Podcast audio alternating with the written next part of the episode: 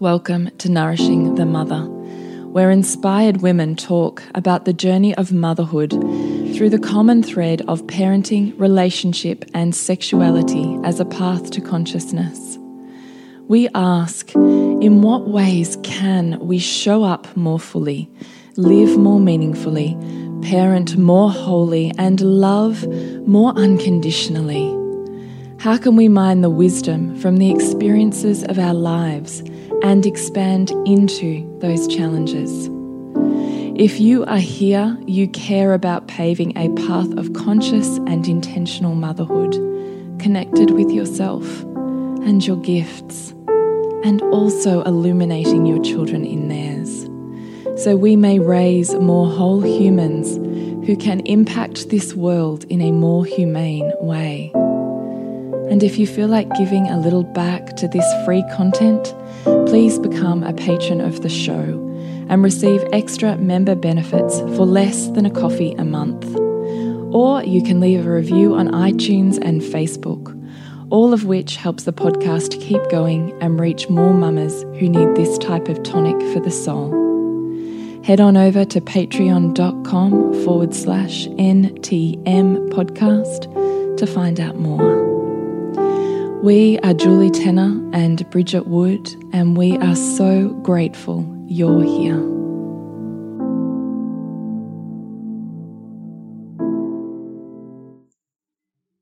Hello, and welcome to Nourishing the Mother. I'm Bridget Wood. And I'm Julie Tenner, and today's podcast is The Best Gift You Can Give Your Child. Ooh. Intriguing. Intriguing. we plan to really talk about uh, witnessing their innate genius, values, and where it can get tricky and sticky when we start projecting our own values onto them. So it's a pretty cool conversation that we're excited to have with you. So before we do that, I would love to remind you to jump onto nourishingthemother.com.au and sign up to join our tribe, where once every so often we do shoot you out an email and you just drop in your email address and you have full access to whatever it is that we let you know about is happening in the world and you can click away and decide what you would love to dive a little deeper into. So please join up at nourishingthemother.com.au. The only other thing I'm going to add into here is if you have a question that you would love for us to answer or an email that you know um, that you want to send us or a DM or a PM or a any type of contact, if there's a podcast topic or a question that you have, we would really love to hear from you because we would love to have a question to answer. It actually gets easier than us trying to come up with what are we going to talk about tonight? and those inevitable tangents. I know, like last week. so, by all means, if you've got a burning question or you're experiencing some challenge with parenting at the moment, then, or, you know, motherhood in general, then please, by all means, shoot us a message and we will do our best to answer you. We shall. So, So, the best gift ever. tell us why you think it's the best gift ever. Sorry, I'm laughing because there's a My Little Pony episode episode called "The Best Gift Ever," and uh, we ended up often watching it on repeat. so no, we're not talking about My Little Pony, but we are talking about all of the ways in which our children are yearning to um, be seen and validated for their emerging sense of self and what they love to do and who they're becoming.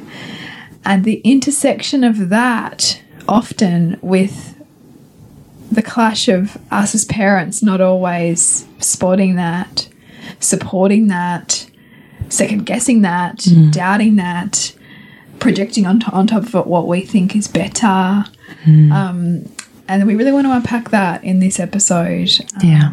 because our greatest, you know, our greatest gift we can give our children is to fan the flames of what's most inspiring to them and to fan the flames of their emerging genius. And and their genius meaning, you know, the wisdom of their soul, you know, hmm. like that that imprint of that blueprint that they come with that that has been here before and that is is wanting to ignite in this life um, a beautiful experience and gift to the world through them.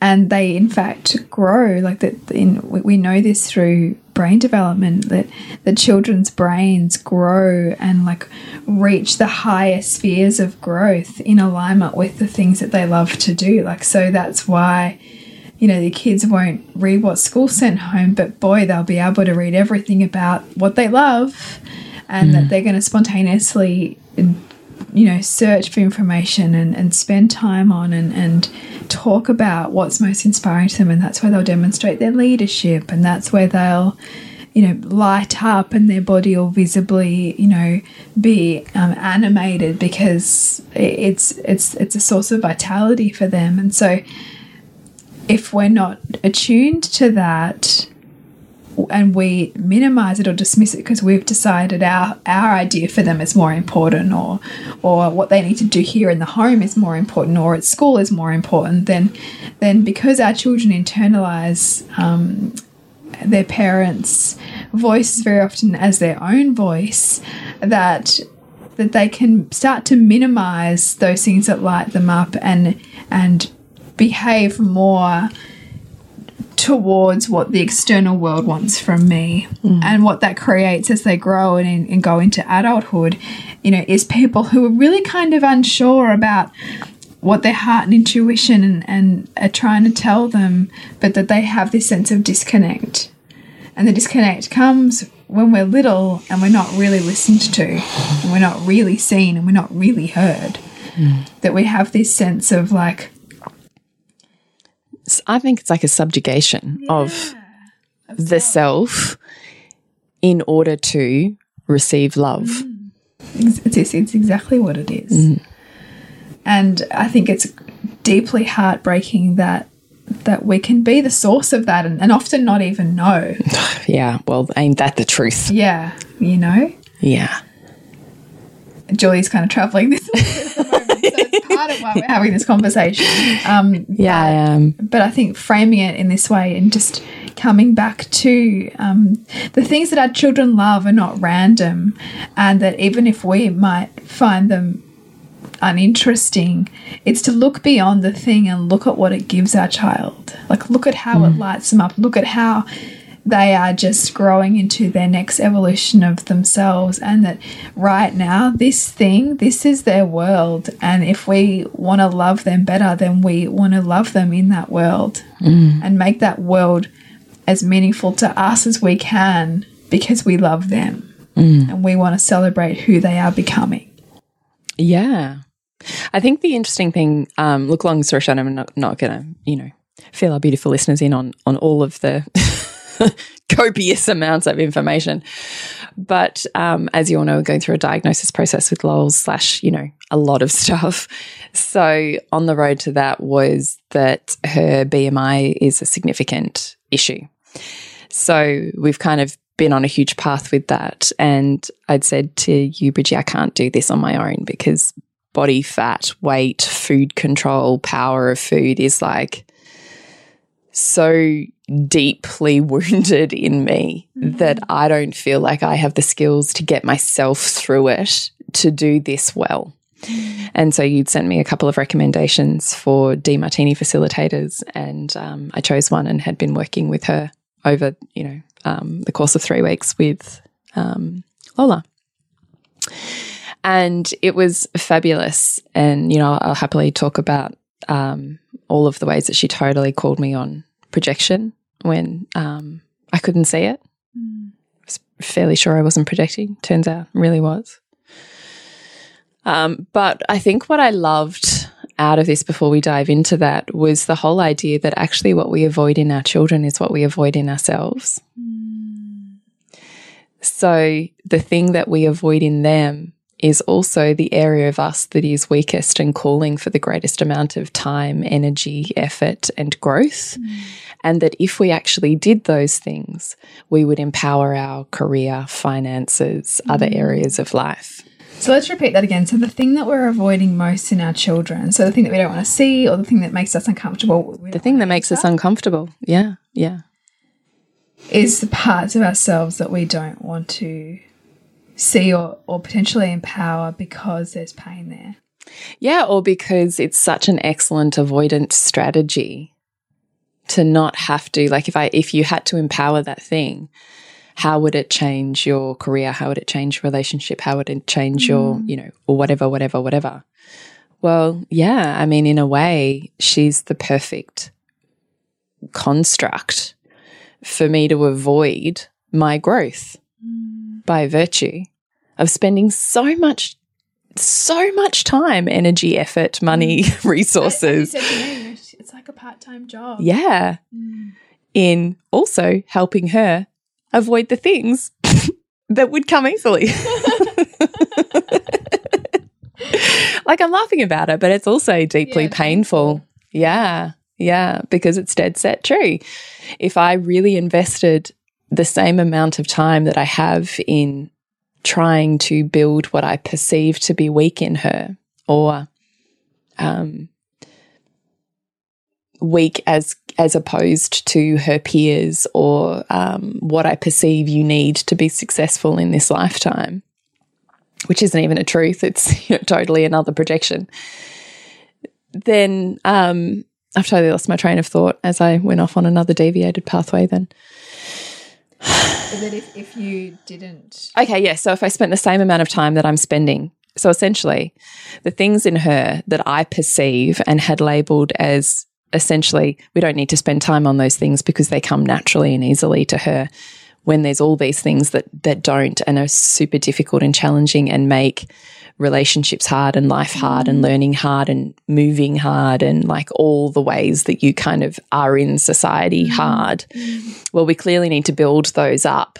Forget about the things that are easy for her because they're easy. So we'll build up the things that are hard. Mm. But because they're hard, it takes an exorbitant amount of energy, and resources to do that.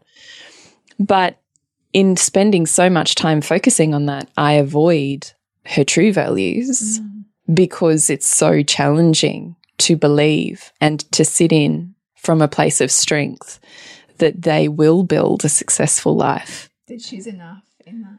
Yeah, that the the things that I that by society's standards appear weak are also the things that I would minimize or diminish within myself in lieu of let's celebrate these other other parts mm. You know physicality mind you know academics success mm. benchmarks you know all of these things so i just really loved the whole um, awareness around ah so i'm using my motherhood slash child to avoid my own growth mm because if I really spent that time with her, I would grow too. So far easier to avoid those things in her because then I don't have to grow and I don't have to be big. You know. Yeah. Which this actually touches on an earlier episode we did a while back, which was on Are You Hiding in Your Motherhood? Yeah. So it's exactly this. Yeah. And in fact, that's what this facility. Are you hiding behind? Yeah because what would happen if you if you had to empower these things that are really strong in Lola, and by virtue of that, you spent more time in those things, what would happen in your mm. career? And I was like, well, fuck. Yeah. because in actual fact, I'm paid more the more that I'm intuitive, poetic, mm. inner heart space, relationship. Mm. They're all Lola's easeful spaces. Mm. But no, no, let's not spend time there because they're too easy. Mm. Let's move to we the stuff to that's really hard. it is such a minimization and hiding of self, which will sit upon a whole lot of fear around what that would mean for me. And so I have this perfect child who, and I always think there's one in particular in every family for each of us that is essentially the walking embodiment of every piece of our shadow. There's always one child that we personally struggle with more than the others. There's always one. And I honestly feel like they are literally every piece of you. That's why it's so painful. Mm. So, before we kind of, you know, roll on onto projection of values, I just wanted to bring up this construct that I just found fascinating that if you actually spent time in your child's values, particularly the child that you find most challenging, I bet you it holds the key or the fears to money and success and career and all the stuff perhaps that you're chasing, but you know, mm. can't ever seem to quite nail, you know? I totally know. Like this, and there's so much in that. I think for so many. Well, I hope everyone strung along with my thought process. I think it was pretty clear. Was it? Okay, good. You kind of know all this stuff, though. Yeah.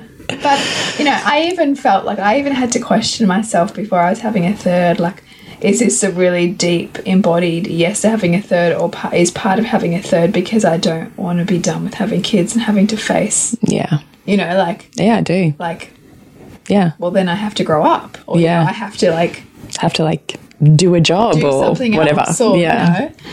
And I mean, I, I love mothering enough to know that the, the, the third child is is a really anchored decision, but there are there are aspects of knowing that well, if I'm parenting her as my primary focus, or my parenting my kids, then that's my primary focus for a defined amount of time. Mm. And you can, if you choose to, kind of stay there, mm. but don't think you're going to avoid the pain. Yeah, yeah. you know, as we're hearing with as you're saying that whatever you project out is really what you're asking to bring inwards Yeah, it's the repression expression. Actually, it's probably the conversation we should have had in last week's podcast where we could not like follow a conscious train of thought whatsoever. But um, yeah, I just really love this. I just really love ruminating on all of this constantly. I just, I think it's really valuable. I really do. So, um, yeah, I don't know which way you want to take this. Where so in terms of us thinking about the biggest gift that we can give our child stepping this out in terms of what it looks like for Julie is going to be a pattern interrupt of those times where she's going into projection or mode on top of so an example might be when you can see Lola doing something that she's really lit up by, instead of you interrupting that and projecting onto her what you think she should be doing mm. instead, is noticing her fulfillment, her alignment, her aliveness, um, and communicating what you are wanting her to do, if it is a need for her to do, in a way that is meaningful to what she's valuing so that she's not feeling like she's being overruled by someone else um, who thinks that what they want you to do is more important, essentially.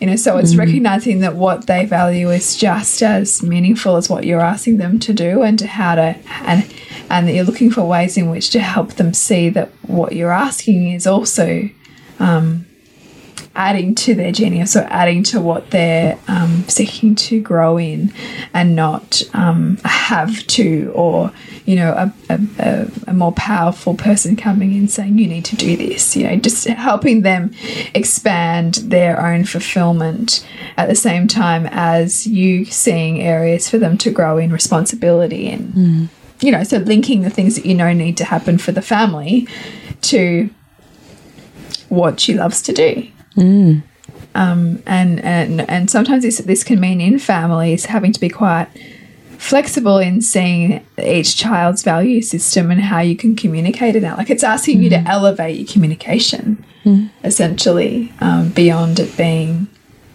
this is what we do here and you have to do it kind of thing. Yeah, for sure.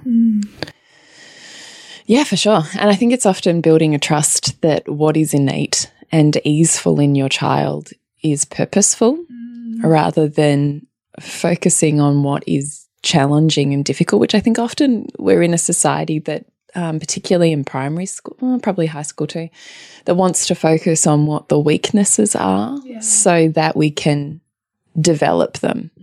And there's a certain level at which I think there's scaffolding and structure that's helpful. And there's a certain point at which you go, is it really though? Like, would we not be better off spending time? I have a big, strong opinion about this. Yeah. Well, because I think that you know we introduce things like reading recovery and um, stuff like that far too young, and we're, we're labeling kids with, um, you know, perhaps reading difficulties at times where they may just personally be not ready to grasp reading yet at five or six or sometimes even seven. You know, for them for them to be already being funneled into additional work um, at that age and the potential lowering of self worth that can come with that for both the parent projecting that onto the child and the child inherently feeling like something's wrong, um, I think can be really detri detrimental and be taking them away from um, really sitting in an expansive place in their own values and and having that reflected back to them you know that that's really meaningful to them Mm. i don't know i have a really strong sense that when we put the right things around our kids or we look for where the learning is that's happening and how to steer that to still get into the learning um, you know some of the academics it's the whole person that we're trying to develop here that knows that when they put their mind to something that they can do it.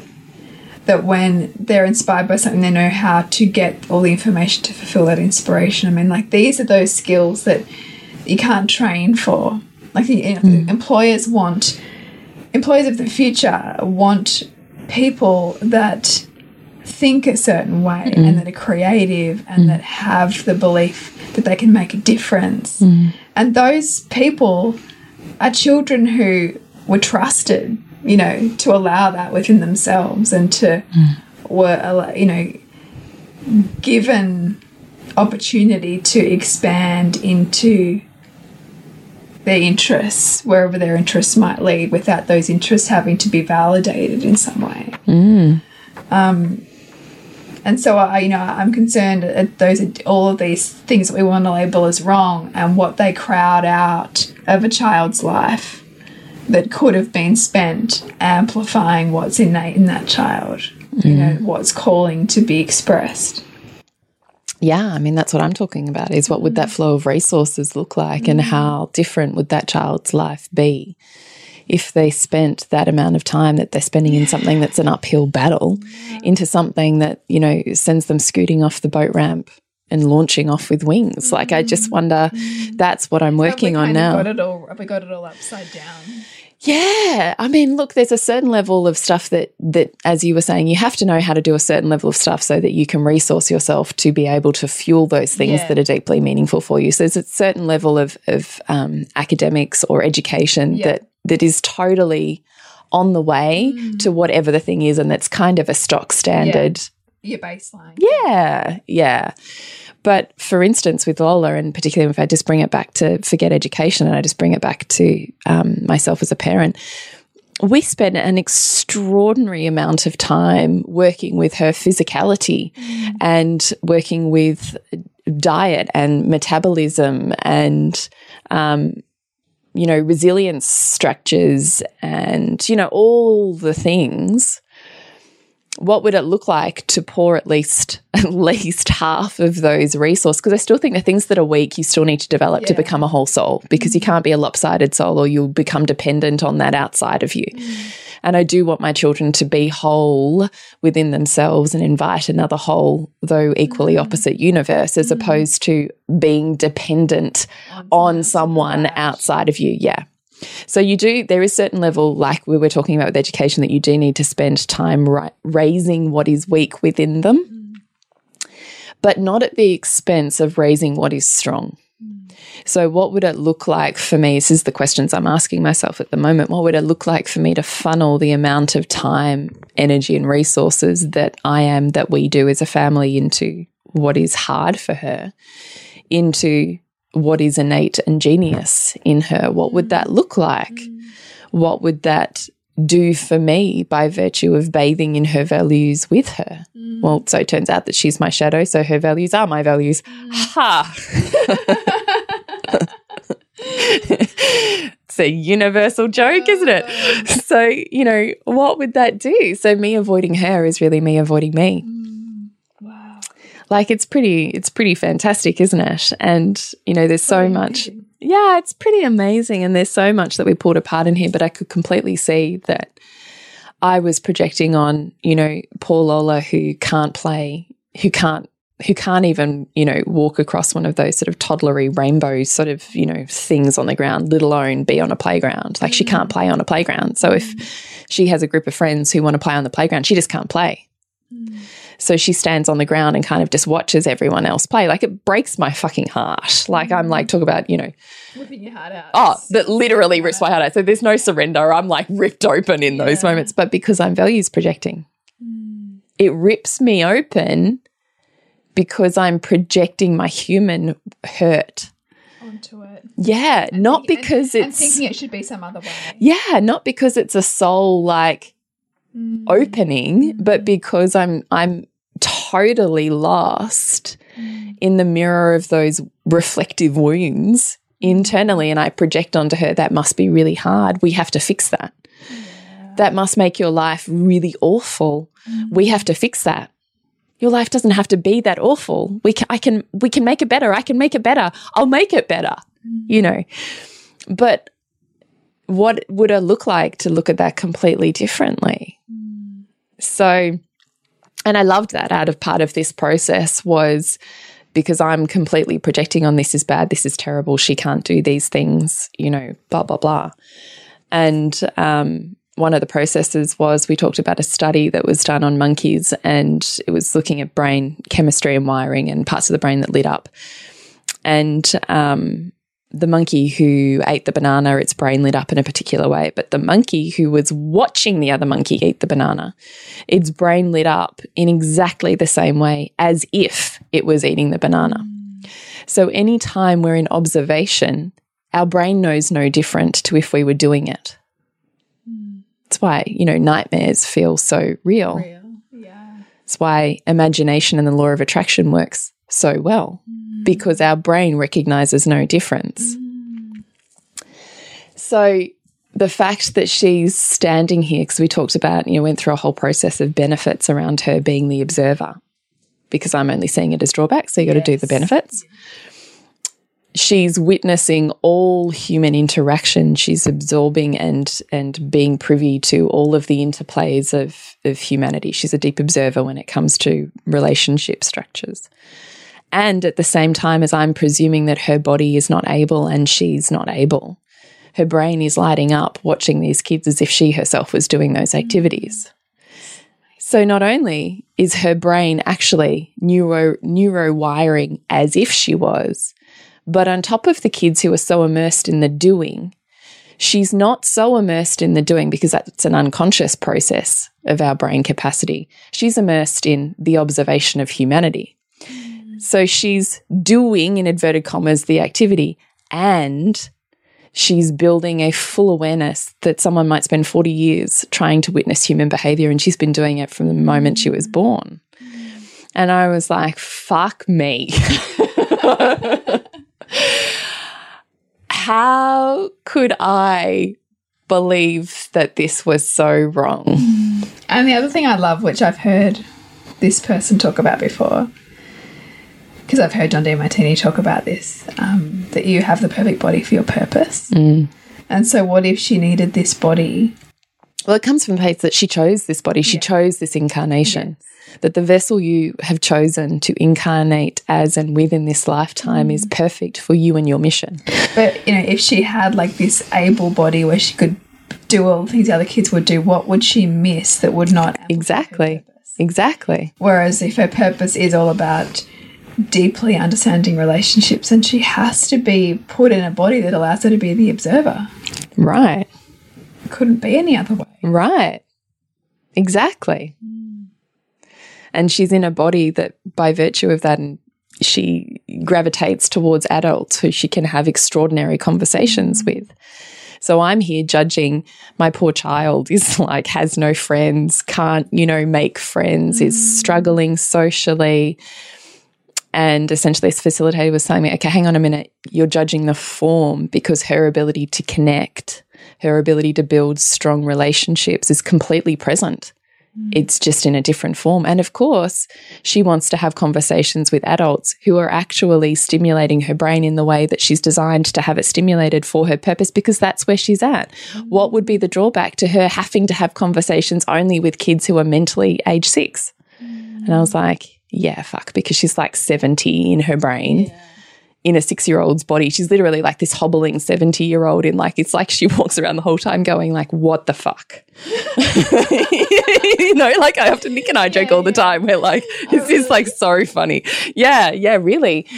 So she is by far, like I talk about my, um, you know, two year old being insightful, but my six year old like writes poetry. The stuff that comes out of her mouth is mm. like, she is so channeled into divinity that I think that comes by virtue of having a body that has no structure. Mm. She literally, it's like she's just all fluid. it's all, all. All energy. Yeah. Because there's no mm. structure. There's no, she's so, There's no containment. no, there's, she's so hypotonic. So no ability to create tension in her muscles that there's no restriction of energy. It mm. only flows. That's amazing. Like it's kind of crazy when you think about it. Mm. So I've kind of gone through this whole process of going, God, all this stuff that I judged is totally my own values projection mm. based on my own voids. It's actually not necessarily got anything to do with Lola whatsoever. And yet I'm spending all of this time, energy, mm. and money trying to make her a better version of me. Mm. Really, at the end of the day. But isn't that the truth of of you know a lot of unconscious parenting, right? Like, Well, yeah, except boom, here it is. yeah. but, but I, but I think that this is what I I said this before. I think we need to also need to be willing to be humbled by our own unconsciousness. Because for all of our desires to be conscious, we are still going to run smack bang into our own unconsciousness because that is also where we're, where we're being called to grow. Mm. We're, we're not these one sided, enlightened, got all the answers, mm. conscious parenting, like, you know, I don't know, genies or mm. whatever. Like, we will run smack bang into our own unconsciousness on this path, and that is where we're being called to grow into more consciousness. So it's humbling and beautiful. Yeah. So I just, I mean, I kind of hope you get something out of this in that um, I love just the whole concept of the mirror, that what we're hiding from developing in our children is what w- actually holds the key to. I need to like write that down and like put that somewhere that I look at daily. Well, look, to be honest, me too, because I keep ruminating on it. Because if I actually got rid of all of the bullshit that that stops me from immersing in poetry or immersing in love or immersing in the things that are innate and strong in mm. Lola, the fact that I resist that within myself is an issue. Mm. So just to have a reminder of to clear the decks of what's preventing that flow because it's that current that that's preventing you from stepping into your genius and ultimately greater service in the world. Mm. Right? I just love i loved that awareness. Mm. Because i was like I could totally see it. Yeah totally. Totally i'm totally finding all the reasons why i can't do the thing that i'm here to do ain't that the truth like we all like Well, we all do that, right? Yeah, that's what I'm Because saying. We're shit scared of failing, Right, or well, rejected, or, or just- actually just doing it or doing it and having the success on the other side. yeah like how scary is even success Because also success can represent complete transformation of all of the attachments we currently have, yeah and that's like really scary. Yeah. Yeah. So we mm. find all of these fantastic ways. And haven't I got a fantastic one where I'm just so consumed by this child? Yeah, but that's so consuming that I have no time to do anything else. But the truth is, if I stopped fighting and stopped swimming upstream, probably be, there'd be a lot more ease. And she would find a much easier place to be rather than um, I mean, it's totally a projection too. I was about to say, rather than always being one step behind everyone else, but that's totally my projection. Yeah. So I can't get out of the way of myself at the moment. But I love how you're sharing that how you're still really wading through it, right? Like you haven't oh, I'm not come out remotely. the other side. But I think No. that, that but staying in the questions and being with the questions is really where there's so much gold because you're just you're staying in that place of allowing the wisdom to come. Yeah. So I really hope there's something in there. I really hope you can start to bring awareness to where perhaps you're hiding, mm. hiding in your motherhood in, in a different way, where perhaps you're projecting and seeing your own values by virtue of seeing your own voids in your children play mm. out. Mm. And deciding that they need blah, blah, blah, whatever the uphill stream battle is. Well, the truth is, do they? Because we get to have ease and be amazing. Mm. Like it doesn't mm. all have to look like uphill swimming. Mm. So I just feel like there's conversations we can have with ourselves in that. Yeah, absolutely. Thank you for sharing. Oh, no worries. So, we would love you to join us in Soul Driven Motherhood. We do have these conversations regularly. We do. We do. Plus, there's a plethora of at least 10 courses now that you can dip into when you need to find the thing that gives you the mm. tool that takes you further or re inspires you, or actually, just like I'm doing with Lola, creates meaning, mm. which allows you to be in the struggle in a meaningful and inspiring way rather than stuck in how bloody hard it is. Yeah, or just trying to fix it without finding the wisdom in it. Yeah. So $39 a month, it's like a ridiculous bargain for the amount of content and time and conscious parenting. Just, uh, as I said to you earlier, I wish I'd had it when my eldest was little because there was just nothing like this. You could go to an occasional seminar or read a book, and that was about Yeah, it. There's no way to immerse. There's no way to immerse. There was no way to build it. You had to find the person who knew the person who, you know, maybe mm. randomly, you know, blah, blah, blah. This is like the wisdom of women who have three and four children who have gone through an entire process saying, here it is. Mm. Like, if this is your path too, mm. it's all here. Just do what we never had the opportunity to do. So, you know, that's really, we want that space to be super nourishing and super essential just to you functioning at your best in mm. motherhood. Mm. So, to connect with you, Bridgie, Suburbansandcastles.com and you, Jules. thepleasurenutritionist.com and we are nourishingthemother.com.au, Nourishing the Mother on Facebook, Instagram, and Pinterest. And remember to nourish the woman to rock the family. And we'll see you next week when we continue to peel back the layers on your mothering journey. And if you want to support Nourishing the Mother and all the late nights, the early mornings, the blood, sweat, and tears we pour into our art, then please go to patreon.com forward slash NTM podcast and become our patron. As a patron, you're helping all of the cost of operating this podcast, the hosting, the editing, the transcription, helping all of that be completely covered, and joining a community who are all about honouring our journeys and continuing to open. The more support we have, the longer we can last. So become a patron. We'd love to have you. Go to patreon.com forward slash NTM podcast. We literally couldn't do this without you.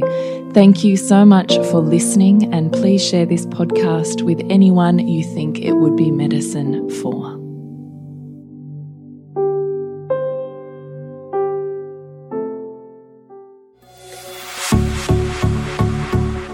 This has been a production of TheWellnessCouch.com. Check us out on Facebook and join in the conversation on Facebook.com forward slash The Wellness Couch. Subscribe to each show on iTunes and check us out on Twitter. The Wellness Couch, streaming wellness into your lives. Whilst the Wellness Couch presenter endeavor to provide accurate and helpful information to their listeners, these podcasts cannot take into account individual circumstances and are not intended to be a substitute for health and medical advice from a qualified health professional. You should always seek the advice of a qualified health professional before acting on any of the information provided by any of the Wellness Couch podcasts.